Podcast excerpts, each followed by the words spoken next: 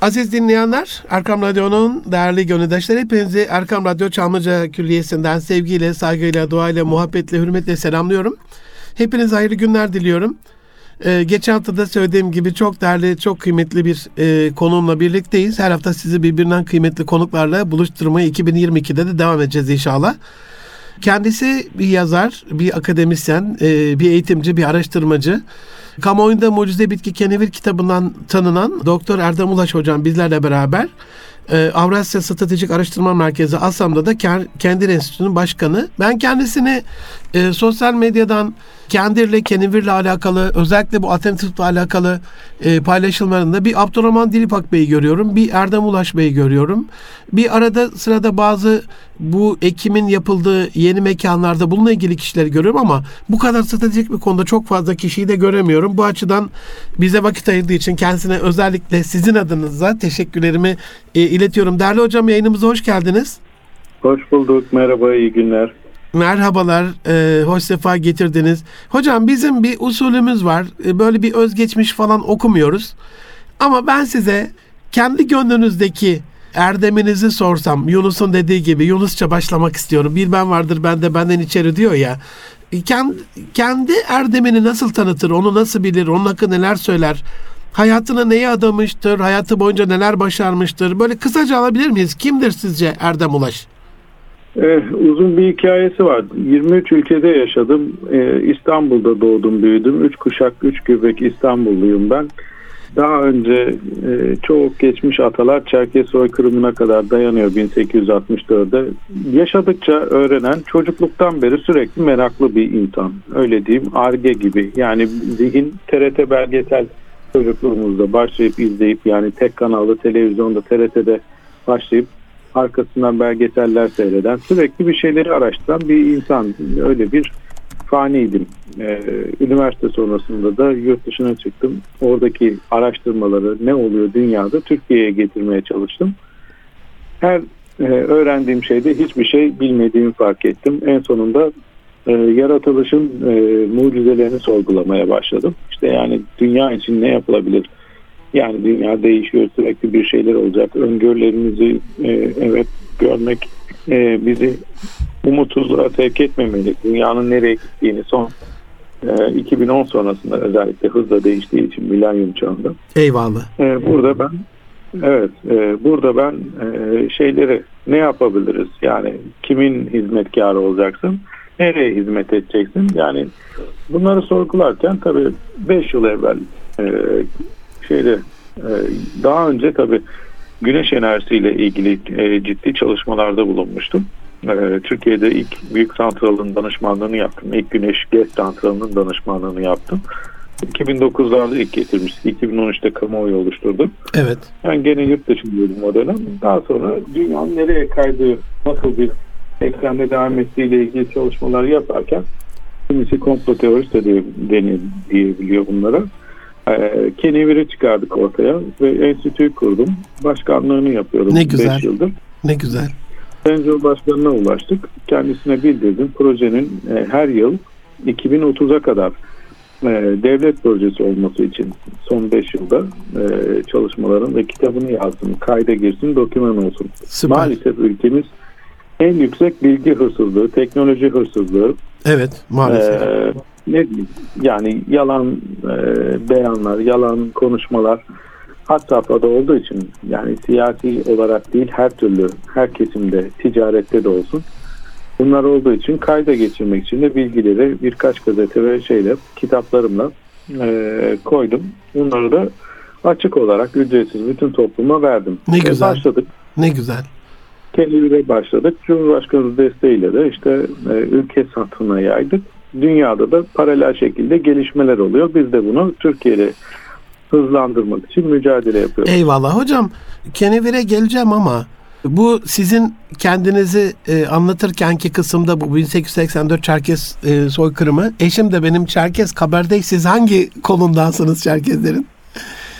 Öyle bir şey var mı? Evet, evet 64'te gelmişiz biz. 62'de başlayan e, soykırım. 64'te Bolu Kaynaşlı e, o tarafa gelmiş dedemin annesi. E, zaten erkekler hep şehit olmuş. e, orada. Başınız o yüzden sağ olsun. balık yemezler maalesef. Evet. Evet. Çerkezler balık Evet, yemez. balık yemiyorlar. Karadeniz Özel- Kan gölüne döndüğü için. Kan gölü olmuş Karadeniz yani. Maalesef. E, o kadar e, büyük soykırım ki bunlar tabii tarihte anlatılmıyor. Bize yukarıdan naklediliyor. Bilinenin çok daha ötesinde bir tarih var. Velhasıl ben ne Apsuvaları ne Kabardeyleri e, içlerinde ayırt etmedim bugüne kadar. Çerkezen olarak hani bizim bir tarafımızda bir Balkan da var. Ne güzel. Selanik var. Ne güzel. Ee, Bolu esas kültürümüzde şey var. İnsanları yapı itibariyle genetik e, faktörleri var. Sosyolojik, psikolojik ve genetik faktörler var. Gen faktörünü değiştirmeye uğraşan bir dünya var şu anda. Ya. Genom projesi. Ya ya ya. Ee, bu genomda e, tabii Türk genliği, Türk'ün geni farklı, Kafkas geni farklı oluyor. Arnavut'un genleri farklı oluyor. İşte genetik özellikler e, yaşanan coğrafyaya göre değişkenlik gösteriyor. Onun için Çerkez'in de alt kolunda ben şuyum, ben buyum gittiğimiz dernek toplantılarında ben çok fazla irdelemiyorum. Çünkü hep üstün ırk ve e, üstün insan biz daha iyiyiz şeklinde konuşmalarla karşılaşınca yani ben insanın nereden olduğunu değil ne ürettiğine bakıyorum. Kesinlikle haklısınız. Eyvallah hocam.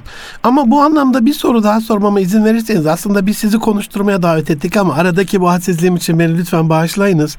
23 ülke dediniz hocam. Bir bugüne kadar rastlaştığım, tanıştığım dostlarımın çok üstünde bir ortalamanın çok üstünde bir ülke. Bu nedenini sormayacağım. Sadece bu kadar ülke gören bir Erdem Ulaş Türkiye'ye baktığında yurt dışındaki uğraş, çaba, gündem ile Türkiye'deki var olan şu anda insanımızın uğraştığı şeyler arasında ne tür bir farklılık görüyor? Ne söyler bize? Böyle açıkçası şimdi değişen bir dünya var. 2000'li yıllara kadar 2000'leri hatta 2000'leri de dahil edeyim. Televizyon furyası vardı bir an. Ben e, Barış Manço'yu rahmetliyi e, daima idol olarak kabul ettim. Rol modelimde bütün Turan coğrafyasında Türk Cumhuriyetlerinin hepsinde aşağı yukarı bulundum. E, görev yaptım. E, proje müdürlüğü yaptım.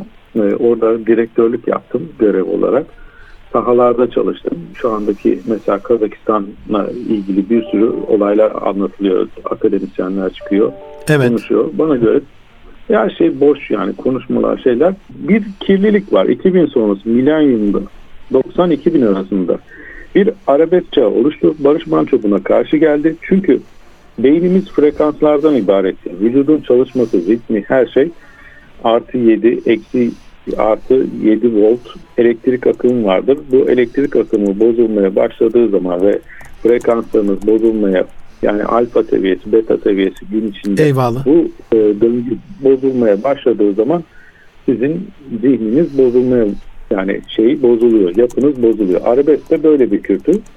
Bu müziklerle ilgili Barış Manço çok söylemişti zamanında. Bizi folk müziğinden, Anadolu rakından ve frekanslardan e, uzak tutuyorlar dedi ve e, öldürüldü malum. Akabindeki gelişmelerde 2000'li yıllardan itibaren medya sektöründe baktığımız zaman kutuplaşmalar başladı. Son 20 yıl içerisinde de hatta son 20 yılın ilk 10 yılında e, nispeten insani özellikler farklıydı. Yani Anadolu'ya gittiğiniz zaman daha böyle canlıydı. Daha insanlar birbirine sıcaktı İstanbul'da bile. Son 10 yılda daha da hızlandı bu bozulma ve son pandemiyle gelen bir buçuk sene içerisinde hatta iki seneye yaklaştık. E, yozlaşma, bozulma tam bir e, iblis uşaklığı dünya çapında devam ediyor. Ama Türkiye'de dışarıdan bakınca ben televizyonu işte ana ekran kanalları mümkün mertebe YouTube'dan ya da hızlı bir şekilde hızlandırıp izliyorum ya da internetten bakıyorum. Tartışma programı falan bunları izlememeye Ne güzel, ne güzel. Araştırmalarınız par- paralelinde kendi ilgi alanınızda uğraşıyorsunuz. Yani Türkiye'nin bunlarla uğraşması lazım. Çünkü mesela e, zaten aynısı Sat 1 işte RTL izleyen, Alman kanalı izleyen Türkiye, Türk, Alman, e, Almanya'daki Türklere bakıyorsunuz devletin ciddiyeti var. Devletin e, bir e, konuşma, uslup, adabı var. Kişilerin konuşma şeyi var. Yani kavga da etseler bir uslup var, bir diyalog var. Yani CNN'den izlediğin CNN bullshit medya diyorlar. Yani çok saçma her şeyin olduğu bir Evet. medya. Ama e, Amerika'da ama e, baktığınız zaman üretimle ilgili inanılmaz e, kanallar var. Yani sadece üretimi endeksli, kafa şeyine endeksli. Dünyada e, şimdi e, Türkiye'ye bakınca sadece politize edilmiş algı operasyonları. Gerçi dünyada da bu var da Türkiye'de çok fazla. Bulunduğum ülkeler içerisinde Doğu, Batı yani iki tarafta da bulundum. Londra'da da kaldım. Avrupa'nın her yerinde hemen hemen. E, Rusya'da da, Amerika, Kanada. Türkiye'ye bakınca Türkiye'ye bir içeriden bakmak bir dışarıdan bakmak lazım. Evet. İçeriden baktığınız zaman bunalırsınız. Hani televizyon izleyin diyen bir insan ya dizilerin içerisinde beyninizi uyuşturup beyninizi kiraya verirsiniz. Günlük yaşamınıza devam edersiniz. Ee, ya tartışma programlarında psikolojiniz bozulur. Yani Anca işte birkaç tane belki böyle televizyonda bir şey varsa onu izler, izlersiniz ama ARGE'ye e, yönelik çalışmalarla ilgili e, bizim Bilim Sanayi Teknoloji Bakanlığı'nın ya televizyon ya e, bir yayın merkezi kurması ve özellikle gençleri şimdi 15-25 yaş kuşağının Metaverse diye bir çılgın, çılgınlık var dünyada. Tam olarak anlayan da yok doğru düzgün e, ülkemizde bunun işte ne, neler getireceğini de düşünemiyorlar. 5G ile entegre edilen bir Metaverse ve Starlink ile linklendirilen e, Starlink ve Neuralink projeleriyle linklendirilen evet. bir dünyaya gidiyoruz. Yani Human, e, Human e, Connecting projesidir bu.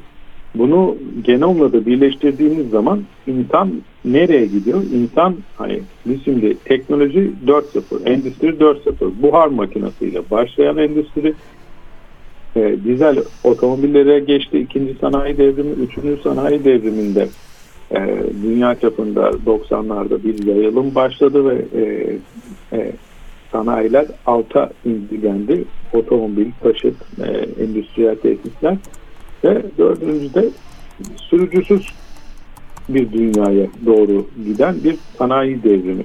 Yani sürücüsüz derken her alanda, evet. her taşıtta otonom. İnsanı da şimdi dört sıfırını çıkartıyorlar. İnsan beynini çipleyip işte çip dediğimiz basit şekliyle sizin beyninizi kontrol ederek başka bir dünya geliyor. Yani buna hazırlıyorlar. Bunların hiçbirisi komplo değildi. Bunların hepsi gerçekliği arttırılmış gerçeklik dediğimiz kısımda görebiliyorsunuz. Girdiğiniz zaman evet. şu anda bu e, sizin program yaparken sizin yerinizde olan başka bir e, Münir Arıkan'la ben konuşabiliyorum. Aynı Eyvallah. şekilde. Eyvallah. Hocam çok özür dileyerek bu söylediğiniz konuları ayrı ayrı duyuyorduk ama ben ilk defa açıkçası hani Nestle'nin internetinde Internet of Things'te bunu human genomu Starlink ve onu da Neuralink ile birleştiren ve dolayısıyla tehlikenin büyüklüğünü bir daha fark etmemi sağladığın için çok teşekkür ediyorum hakikaten bu giden dünyayı görüp ben programın e, içerisinde hemen programdan sonra daha doğrusu bu önerinizi de sizin adınıza paylaşacağım. Bir ARGE TV gençler adına Amerika'da çok biliyorsunuz var sektörel TV'ler e, hakikaten bilinçlenme de sağlıyor magazine kapılmazsanız. Ama burada Aziz Sancar hocamın da dediği gibi siz de aynı şeyi söylediniz. Siyasetin bu şeyine hengamesine kapılmadan kendi uzmanlık alanında odaklaşmayı aldım söylediklerinizden. Çok çok teşekkür ediyorum. Vaktin kısalığından da e, şeyle hocam yola çıkarak çok özür dileyerek ikinci soruma geçmek istiyorum ben. Mücadelenizi görüyorum sosyal medyadan. E, bu konuda kitap da yazdınız. Kalkınmanın en itici unsurlarından birisi olarak görüyorsunuz. Keneviri nedir hocam kenevir? Bize kısaca anlatabilir misiniz önemini? Şimdi kenevir denilen bitki e, elimizdeki kayıtlarda artık e, şey kenevir bir bir kitaptı. Arkasından kitap olduğu e, şey ne diyelim büyük bir şey diyorlar Amerikalılar Bible diyor da in, o İncil anlamına geliyor. Böyle bir e, şey oldu. Büyük bir kitap oldu yani. Referans e, kitabı oldu anlamına.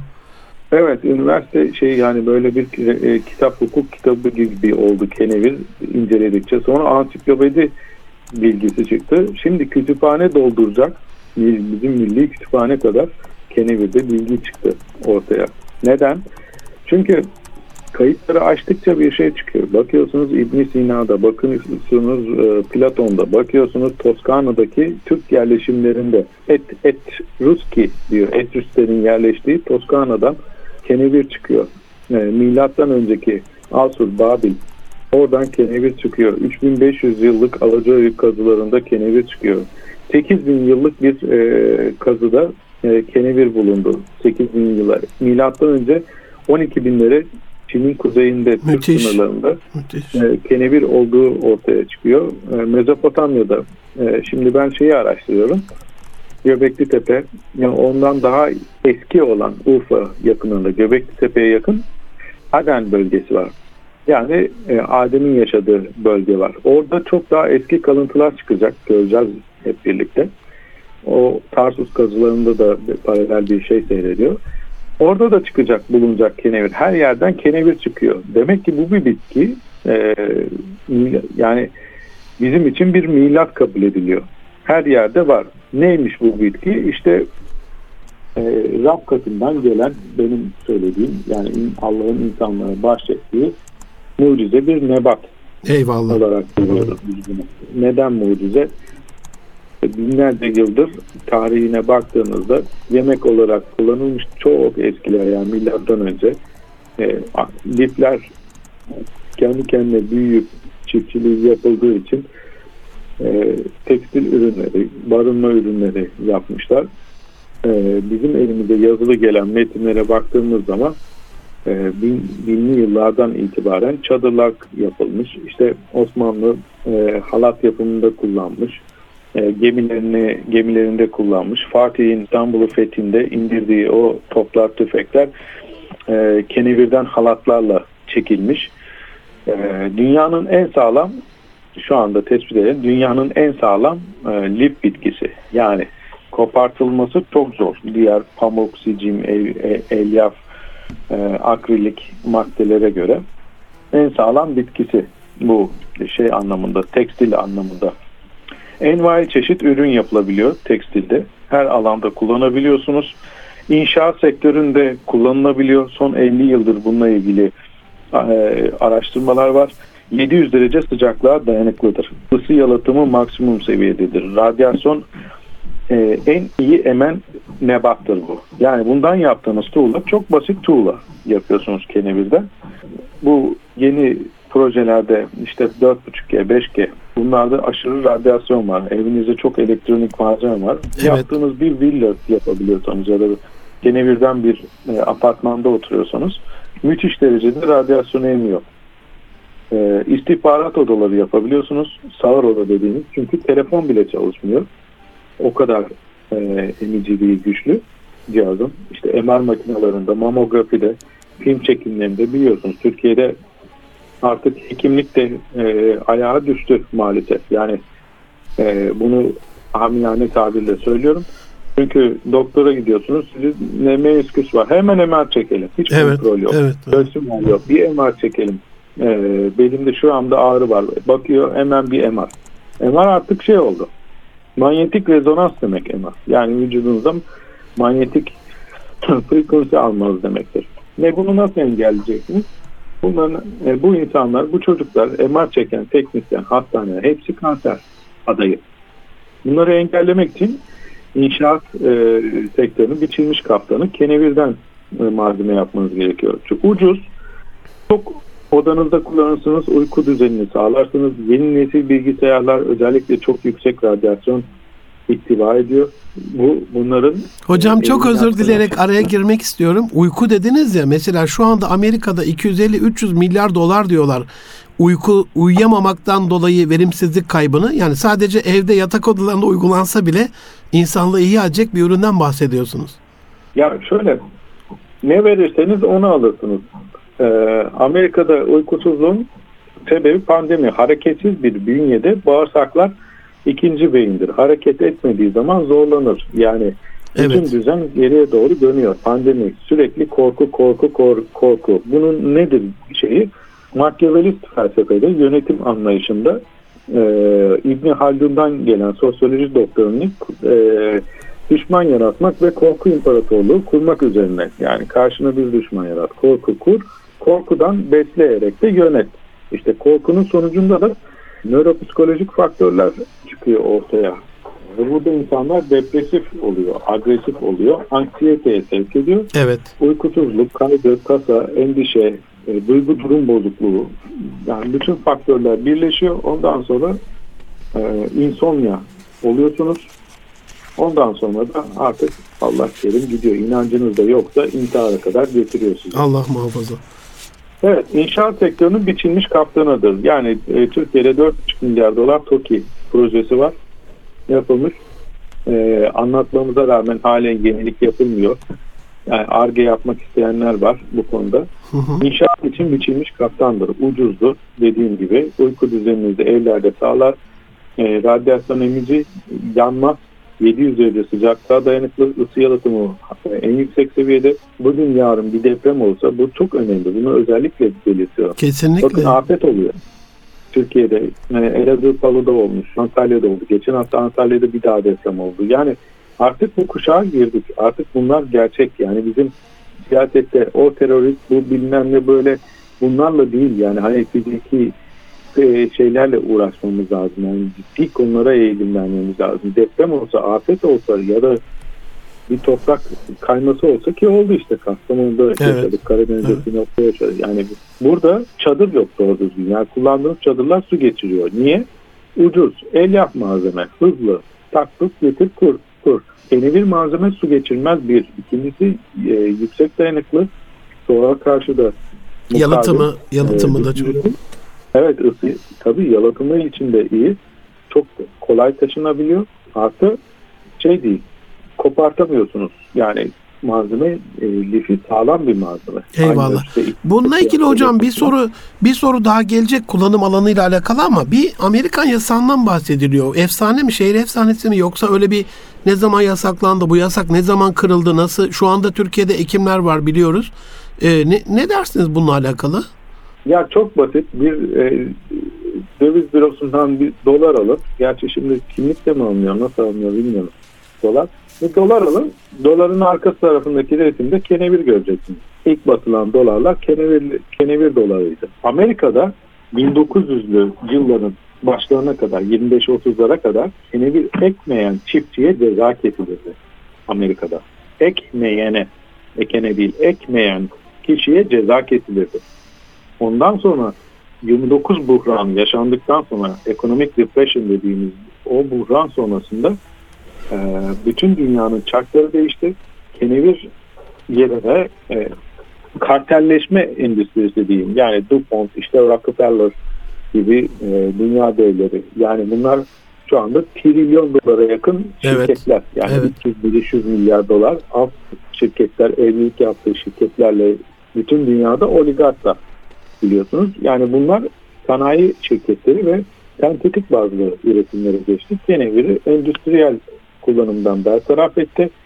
Bu bitki dışlandı, bu bitki esrar kabul edildi, uyuşturucu kabul edildi. Türkiye paralelinde 1933'te aynı şekilde Türkiye Amerika'ya ne gönderiyordu? Eroin gönderiyordu. Uyuşturucu gönderiyordu değil mi? Bizim e, eroin fabrikamız yok muydu? Evet.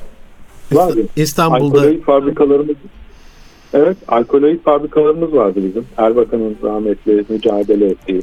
Doğru değil mi? Yani e, yani aklım üretim vardı Türkiye'de has safhada. 33'te uyuşturucu kabul edildi. Dünyayla paralel. 1961'de tek sözleşmesi imzalandı. Bununla ilgili ama bu sözleşme imzalanırken de 1964 yılında İsrail Hebrew Üniversitesi'nde kenevir araştırmaları başladı. Yani tıbbi kenevir üzerinde müthiş çalışmalara girdiler. Şu anda işte 58. yılında 60. yılında artık sürprizler bekliyoruz orada çok büyük. ya İnanılmaz sağlık alanında e, başarılarını ortaya çıkarlar. 80'li yıllarda endokannabinoid sistemi anlattılar. Yani bu bir şehir efsanesi değil. Gerçekten böyle bir şey var yani. Türkiye'de 1971'de Nihat Erim hükümeti devrildi. Afyon ekersen iktidardan düşersin diye İhsan Sabri Çağlayangil dönemin Dışişleri Bakanı'na nota verdi Amerikan Büyükelçisi. Ve o zaman hükümet devrildi 71'de. Ee, akabinde 3 tane hükümet geldi. doğru düzgün hükümet kurulamadı. Demirel kabul etmedi Amerika'nın e, isteklerini biliyorsunuz. O zaman Evet. dedi benim adında ilim var dedim. Ne, ne demek Afyon etmeyi şuna kota buna kota. E, hükümet devrildi. Ama Türkiye'de baktılar Amerikalılar gene geldi. Türkiye'de gene ekiyorlardı yani Karadeniz'de Anadolu'da ne yapıyordu? E, keneviri e, kışın yerdik, yazın yerdik. Aralarında tarlada dolaşırken bilmiyorlarmış ki. Uyuyakalırlarmış e, tarlanın içerisinde. evet. Çünkü bir ikisi ne erkeği belli. Kenevi. Yiyenler fazla yediği zaman çok fazla gülermiş. Hatta kimisi uzun uyurmuş. Bağırsak mide bağırsak problemi olan. Ben şimdi bunları yaşayarak öğreniyorsunuz. Ee, yani oturarak değil. Barış Manço'ya örnek alıyorum derken çok gezen mi çok okuyan mı dedi. Yani Eyvallah. gezerek okuyacaksınız. Eyvallah. Anadolu medeniyet beşiği malum. Binlerce yıllık tarih kazdığımız zaman dediğim gibi işte e, İskitler çıkıyor altından. E, Etrusler çıkıyor altından. Milattan öncesi e, binlerce yıllık şey var. Bir de medeniyet yaşamış yani. Hititler yaşamış. Halen daha eserleri var e, Anadolu'da. Yani burada bu insanlar Anadolu'ya gittiğiniz zaman getirdiği silsileyle dedeleri, nineleri ve onlardan mesela keneviri çedene yaparlar, kavururlar, yerler. Evet, evet. Şimdi yalnız e, bunlar konuşurken e, şimdi bu şehir efsanesinin gerçekliğini konuşurken insanların beyni de algıyla unutturuluyor, uyutuluyor. Ben bunları söylüyorum. Benim dedem de yapar, benim babam şunu yapardı. Sen niye yapmıyorsun? Yatak. Halbuki öyle bir şey yok. Yani hiç bizim toplumumuz maalesef o kadar e, e, boş beleşe alıştı ki. Yani araştıran sayısı çok az. Kesinlikle hocam maalesef. Birine bir şey söylediğiniz zaman yani kenevir nedir? Ya öyledir. Hiçbir sorgulama yok. Hiçbir aa öyle bir şey var mı? Yasak değil dediği zaman iddiacı. Yani algı benim dediğim doğru. Hiç bakmak yok. Yani bak yönetmelik burada. Onu da açıp okumuyor. Her Eyvah. şey serbest şu anda Türkiye'de. 1990 yılından bugüne serbesttir. Ee, 2016'da da bu güncellenmiştir. Kenevir yönetmeliği.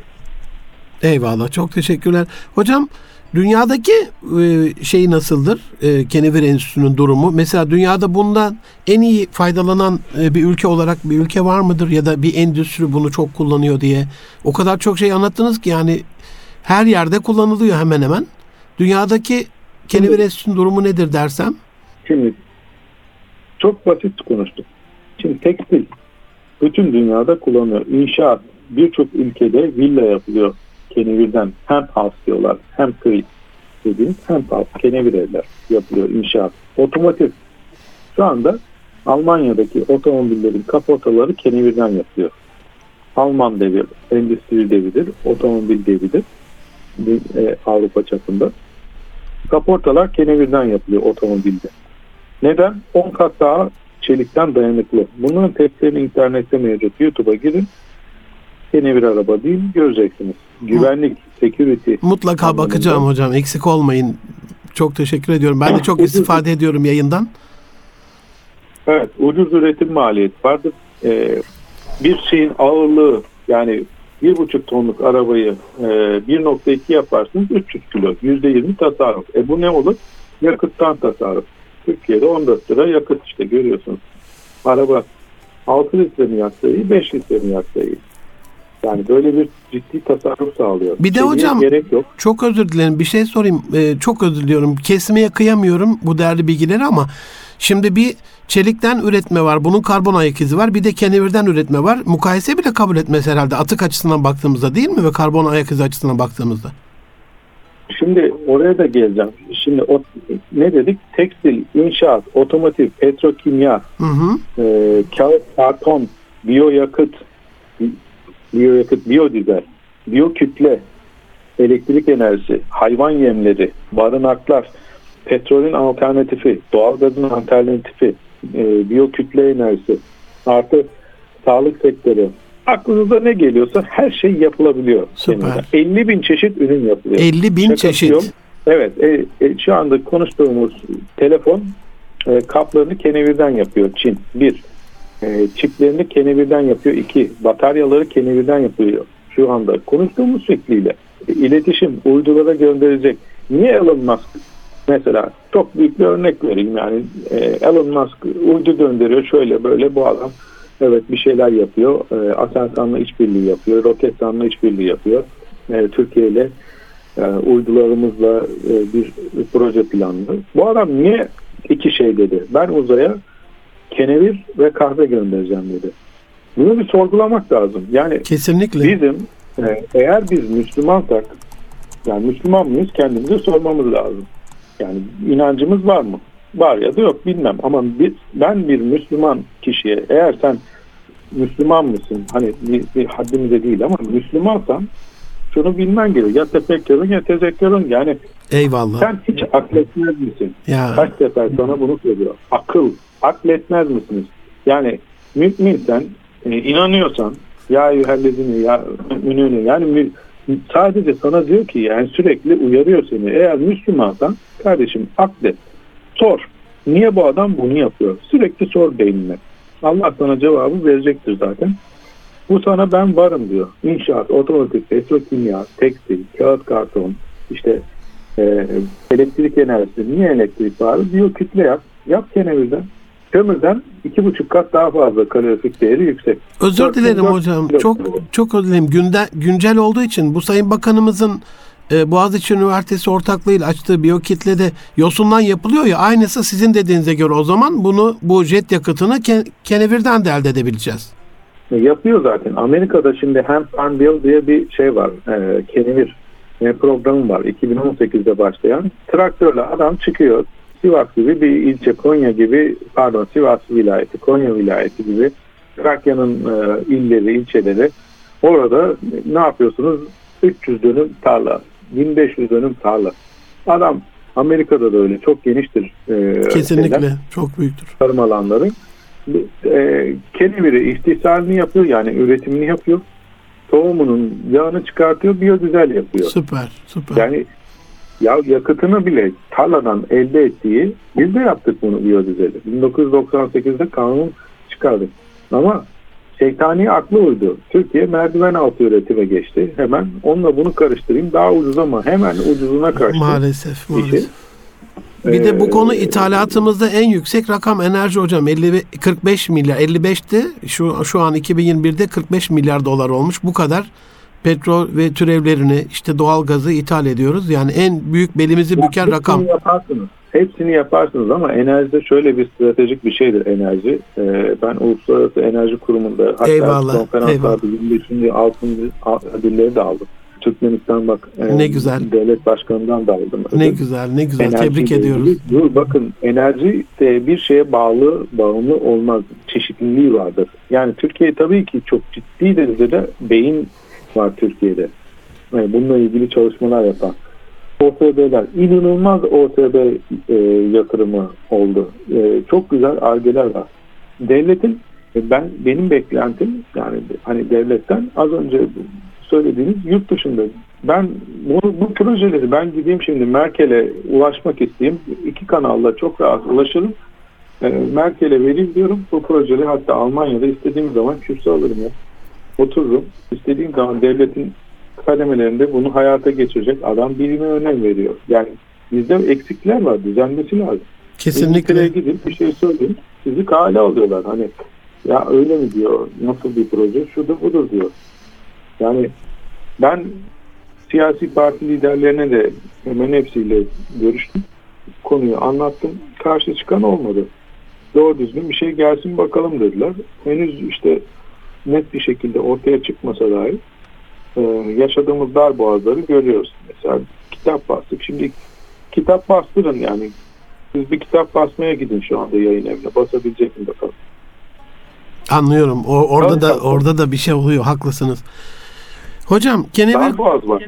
Kenevir konusunu çok özür dileyerek e, bir biraz da böyle bitirme heyecanım da mazur görün ama bitmeyecek. Biz sizi ikinci defa da ağırlamak isteyeceğiz. En azından bir iki soru daha sormak istiyorum.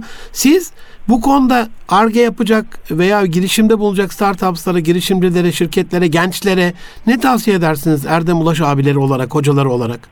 Şöyle e, en hızlı e, COSGAP ya da üniversitelerin teknoparklarıyla görüşüp bu ARGE hayata geçirmek için birebir görüşmelerini tavsiye ederim. Bir de araştırmacı ya kulaktan duyma değil bilgileri alıp internette yani şeyler mevcut web siteleri mevcut onları alıp fizibilitelerini kendileri görüp kıyaslayıp üniversitede ilgili akademisyenlerle görüşmelerini ve birlikten kuvvet doğar. Kesinlikle, kesinlikle. olmamalarını. Kesinlikle. Kesinlikle şu anda 15-25 yaş grubunda bencillik var. Onları görüyorum. Ben merkezci, mer- merkezcilik var. Çok iyi sorguluyorlar. Akıllı şeylerle karşılaşıyorum ama e, şey yok. Konuşma şekilleri 300 kelimeye kadar düşmüş. Maalesef, maalesef. Ee, yani şundan mütevellit dediğiniz zaman ne o ya falan diyor. Yani uslup adab falan yok. Hani şeyler. Konuşma nasılsınızdan başlamıyor yani direkt konuya da- dalıyor. Da- Farklı bir yaklaşım var. Öncelikle bunların birlik hani şeylerde kulüpler şeyler içerisinde birlik olup bir şeyleri üretmek kendileri içinde. Bak sen şu konuya bak ben de buna bakayım. Eyvallah. Bir takım ee, çalışmasıyla. karton- Evet evet takım teamworking. Kağıt karton nasıl yapacağız biz bunu? Selloz. Sellozundan ayıracağız. Bu 5 ayda 5 metre oluyor. Bir ağaç 25 yılda yetişiyor. Ya Kenevide ne, ne kadar selloz var? %90 civarında selloz var. Ne kadar kağıt ithal ediyoruz? 3.2 milyar dolar. İnanılmaz kağıt ithal ediyoruz. Türkiye'de oluklu mukavva yok şu anda. Hep ithalat. evet. evet. İnanılmaz bir ithalat var. E, Yani yaptığın şey kaç sefer dönüştürüyorsun kağıdı? 3 sefer, 4 sefer. Geri dönüşüm mantığı var bizde. E, Yap keneviden. Kenevir'de bu rakam kaç defa dönüşüyor hocam? 8 sefer. 8 sefer. Türkiye'de dört birinci katı daha. yağmurda 600, 650 bin ton kağıt ihtiyacı var. Gençler bunları çıkaracak. Konuşacak kendi aralarında. 650 bin ton kağıt şeyin var. Toplam 5 milyon ton ihtiyacımız var. Eyvallah. %30-35'i geri dönüşümde. Kitap kağıdının e, şeyi 1000 euro tonu. Gazete kağıdının 800-850 dolar tonu. Anlatabiliyor muyum? Yani Eyvallah. bunları ithal ediyorsun. Ya senin önünde duruyor ya. Değerli hocam çok özür dileyerek bu cümle satır arasında kaybolmasın diye acizane aynı şekilde düşünüyorum sizinle. Ben de yıllardır ya arkadaşlar üniversitelere, OBS'lere, organize sanayi bölgelerine, KOSGEB'e, e, TÜBİTAK'a, üniversitelerdeki arkadaşlara şunu yalvara yalvara anlatıyorum. Her seferinde anlatıyorum. Ya Türkiye'nin en fazla ithal ettiği ithal listesi var. Her yıl yayınlanıyor. İlk 200 kaleme bakın. Yani bizim 200 milyar dolarımız gittiği yer belli yani bu kalemleri azaltmaya çalışın. Sizin bu anlattığınız bütün sektörlerde hemen hemen ithalatımızın en fazla olduğu kritik alanlar. E, Stratejik ürünler yani Benim bunun kitabım, evet. Ben kitabımın e, en arka sayfasında çok özet bir şey yazdım. Türkiye'de durum ve öneriler diye. Ve özellikle yazdığımda 2017'de mi yazmıştım? Evet. bu mucize 2018'de. kenevir kitabınızdan bahsediyoruz değil mi Evet. hocam?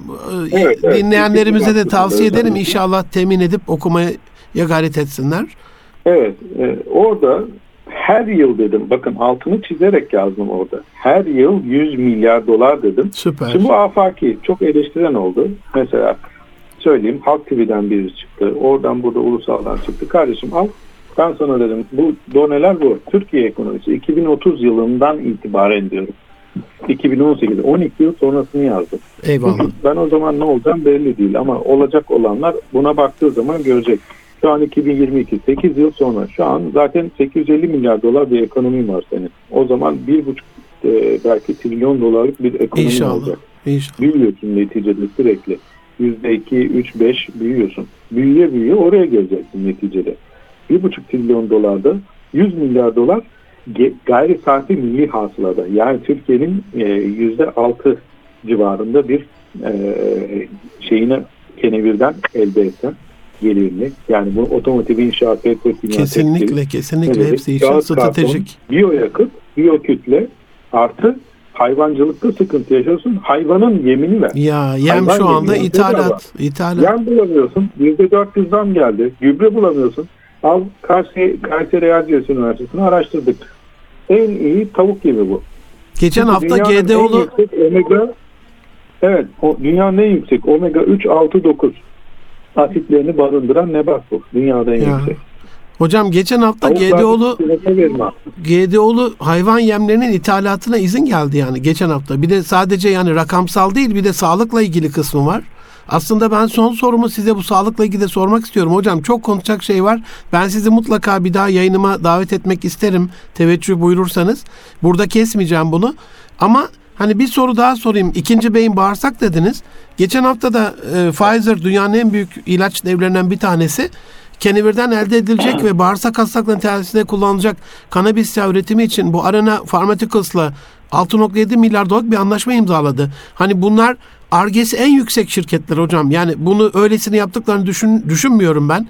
Bazı hastalar tanıyorum yakın çevremde yurt dışından falan getiriyor bu kenevir yağını, e, bu kanabisi.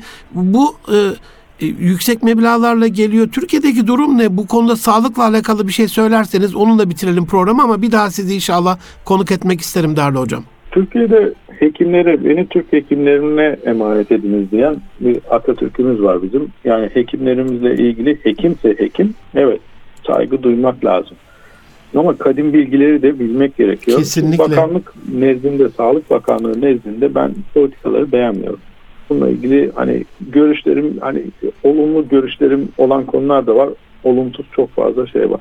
Yani Covid meselesinde dahi ila- insanları bitirdiler. 8'e 8 günde 16 tane hap kullan, 3 gün devam et. Ondan sonra bu işe yaramıyor. Tabii birebir yanlıştır. Şuna geçelim. Parol kullanın, parol kullanmayın. Aşı olun, aşı faydası şu olsun, bu olsun. Türkovak çıktı. Türkovak lanet bir şey solüsyon dedi. Öteki Tabipler Birliği çıktı. Şu oluyor, bu oluyor. Yani o kadar spekülasyon var ki doğru bilgiye ulaşamıyorsun. Nereden ulaşacağım? PubMed, National Library, TSC Total Healthcare Cannabinoid şeyleri var, araştırmaları. internetten gireceksiniz. E, klinik araştırma, in vitro, e, in vivo testleri yapılmış.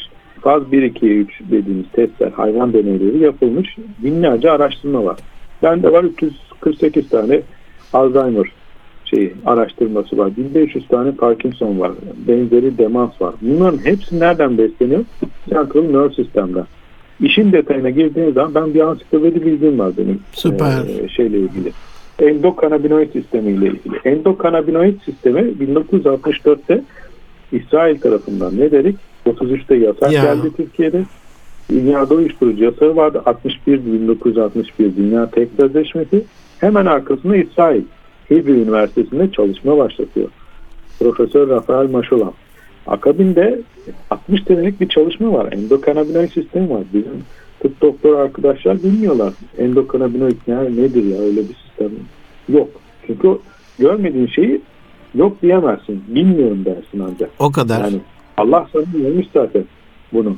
Yaratılışın mucizesi ben boşuna mı yazdım kitabı? Orada beyin bağırsak şimdi anlıyor insan ilişkisi. Yani gastroenterit rahatsızlıklar yani duodenal bağırsak rahatsızlıklarını düzeltirseniz yukarıya doğru e, rahatsızlıkları da düzeltirsiniz. Beynini de düzeltirsiniz. Bu Pfizer de bizi takip etmiş sağ olsun. Aferin. 6.7 milyar dolar yatırım yaptı. Evet ben de takip ediyorum. Novartis'in de var zaten 2 yıldır geliştirdiği e, Hı hı. planlar. Sadece Alzheimer değil 250 hastalık. Ben kitabımın içerisinde tıbbi kenevir diye de bahsettim. Ee, bir 15 sayfa 20 sayfa falan herhalde onlara ya- anlattım. Süper. Tıbbi kenevir nedir diye. Bizim acilen bir tıbbi kenevir komisyonunu doğru şekilde kurup İnşallah. e, bunu doğru bilgileri alıp derlememiz lazım. Burada siyasi parti A'sı, B'si, C'si Kesinlikle, kesinlikle, Yani kesinlikle. bu ülke meselesi, milli güvenlik meselesi. Eğer insanı yaşat ki devlet yaşasın diyorsan Kesinlikle. E, burada bu bilgileri derleyeceksiniz. Bizde zaten bende hepsi var hemen hemen. E, şu ana kadar çıkmış yayınlar ve şeyler çok rahat ulaşıyorum. Sadece Alzheimer, Parkinson değil, kanser hastalığında da benzeri kenevirle tedavi yöntemleri başarılı. Epey ben de rastlıyorum hocam bununla ilgili yayınlara. Kanser üzerine de epey bir şey var. Teveccüh var yurt dışında. Bu öneriniz inşallah gerçek olur. Ben de zaman zaman size mentionlayarak bahsedeceğim. Çok güzel öneriler de geldi yayın boyunca. Hocam yayın süremiz bitti. Çok üzülerek ben hürmetsizlik yapmak istemiyorum ama inşallah müsait vaktinizde e, sizi yeniden ağırlamak isterim. Bugünlük bu kadar diyelim. Son bir mesajınızla bitirelim isterseniz.